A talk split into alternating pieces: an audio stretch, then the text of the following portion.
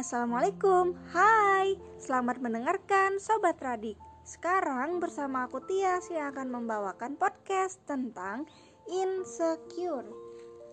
Insecure, kata yang lagi tren banget di zaman sekarang. Banyak orang yang dikit-dikit insecure Dikit-dikit insecure. Sebelumnya nih, apa sih itu insecure? Nah, berdasarkan alo dokter, insecure adalah perasaan cemas, tidak mampu, dan kurang percaya diri yang membuat seseorang merasa tidak aman. Akibatnya, seseorang yang insecure bisa saja merasa cemburu, selalu menanyakan pendapat orang lain tentang dirinya, atau justru berusaha memamerkan kelebihannya. Dan insecure yang gimana sih yang sering terjadi pada anak muda zaman sekarang? Insecure tentang fisik sih biasanya, dan pelakunya tidak lain dan tidak bukan terjadi pada kaum wanita. Tapi kalau dipikir-pikir nih, kenapa sih wanita itu gampang banget insecure tentang fisik? Ya jawabannya karena wanita itu dari dulu hingga sekarang Bahkan dari mereka masih kecil hingga dewasa Yang selalu jadi penilaian utama adalah fisiknya Sebenarnya semua wanita itu cantik dengan aura dan kelebihan mereka masing-masing namun sangat disayangkan, standar kecantikan menurut masyarakat Indonesia sangat menjadi pemicu terjadinya sikap insecure.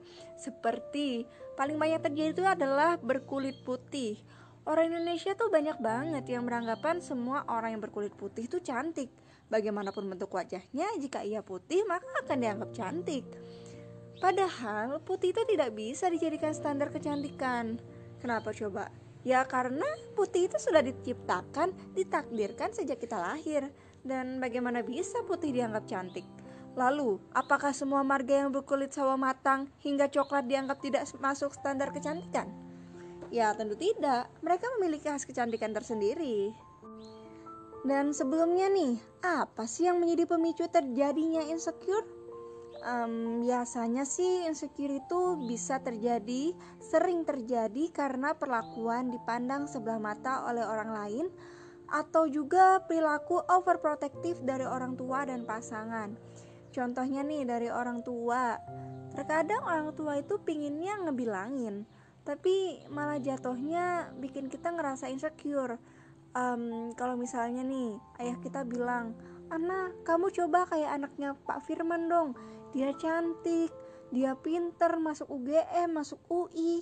Mungkin maksudnya orang tua kita itu baik biar kita semangat, tapi tanpa disadari kata-kata orang tua itu membuat kita justru insecure, merasa kalau diri kita itu selalu merasa kurang. Padahal bisa aja apa yang kita miliki belum tentu dimiliki oleh anaknya Pak Firman tersebut.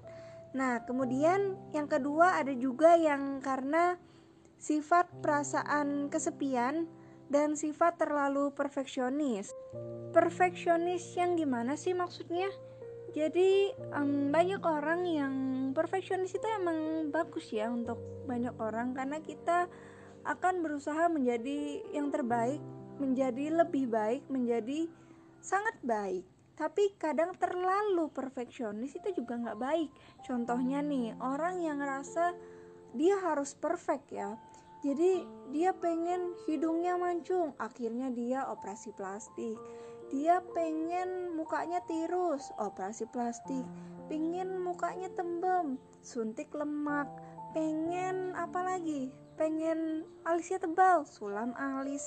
Nah itu dia terlalu terlalu apa ya? Terlalu perfeksionis. Akhirnya apa kalau kita lihat mungkin dia kesannya karena dia ingin menyempurnakan dirinya padahal sebenarnya dia itu insecure.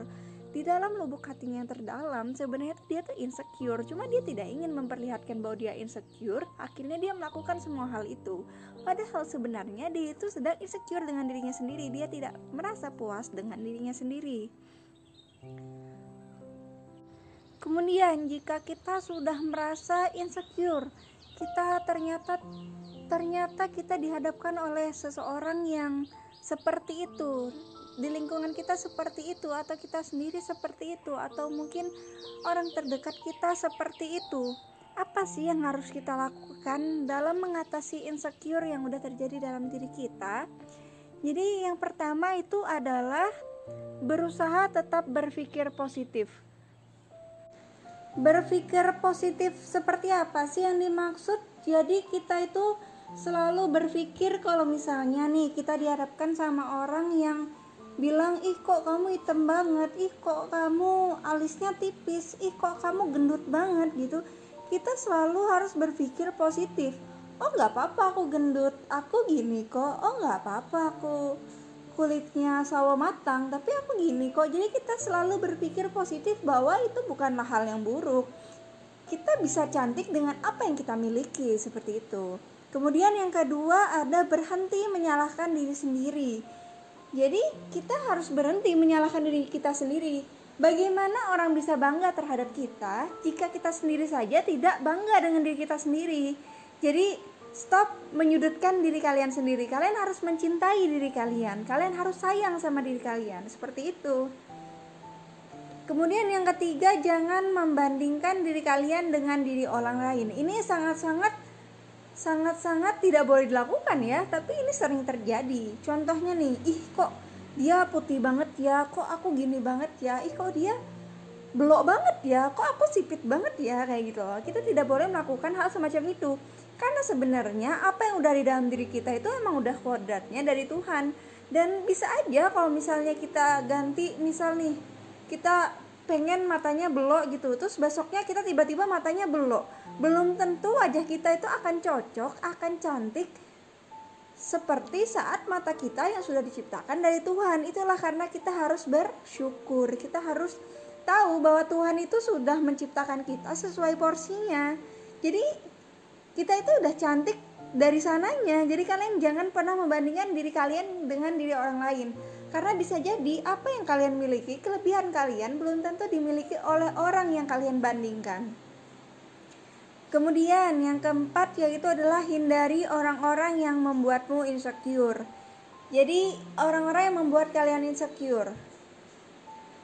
Kalau misalnya kalian nih punya temen teman deket, teman tongkrong yang dia toksik gitu ya yang suka ngomentarin apa pun yang kamu lakukan bilangin kamu ih kok lo norak banget sih ih kok lo bodoh banget sih? Ih kok lo gini? Ih lo kok gitu? Kalian harus hindari orang-orang yang seperti itu.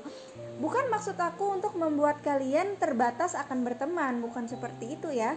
Tapi kita itu harus menyayangi diri kita sendiri. Kita jangan berkumpul dengan orang-orang yang menyakiti perasaan kita.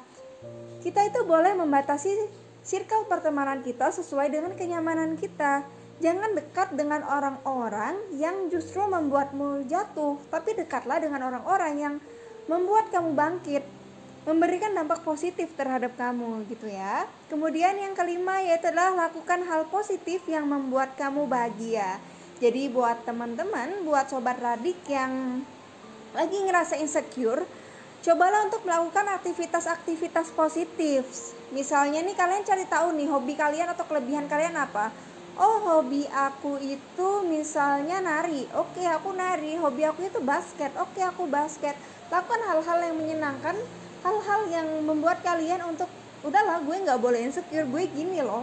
Gue punya kelebihan ini loh gitu. Jadi stop untuk insecure dan saranku yang terakhir ini dari diri aku sendiri, temukan kelebihan kalian temukan kelebihan kalian tuh gimana? Jangan melihat kelebihan orang lain lalu kalian cari dalam diri kalian. Bukan tapi kalian rasakan kalian tuh lebihnya di mana sih? Kalian tuh nyamannya di mana?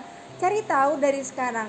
Karena di saat kalian mengetahui kelebihan kalian justru membuat kalian untuk tidak insecure lebih mensyukuri apa yang kalian miliki seperti itu ya. Karena kalian gak boleh insecure hanya karena kekurangan kalian. Karena di dunia itu tidak ada seseorang yang sempurna Oke sobat adik, itu tadi penjelasan singkat tentang apa itu insecure dan beberapa saran dari aku.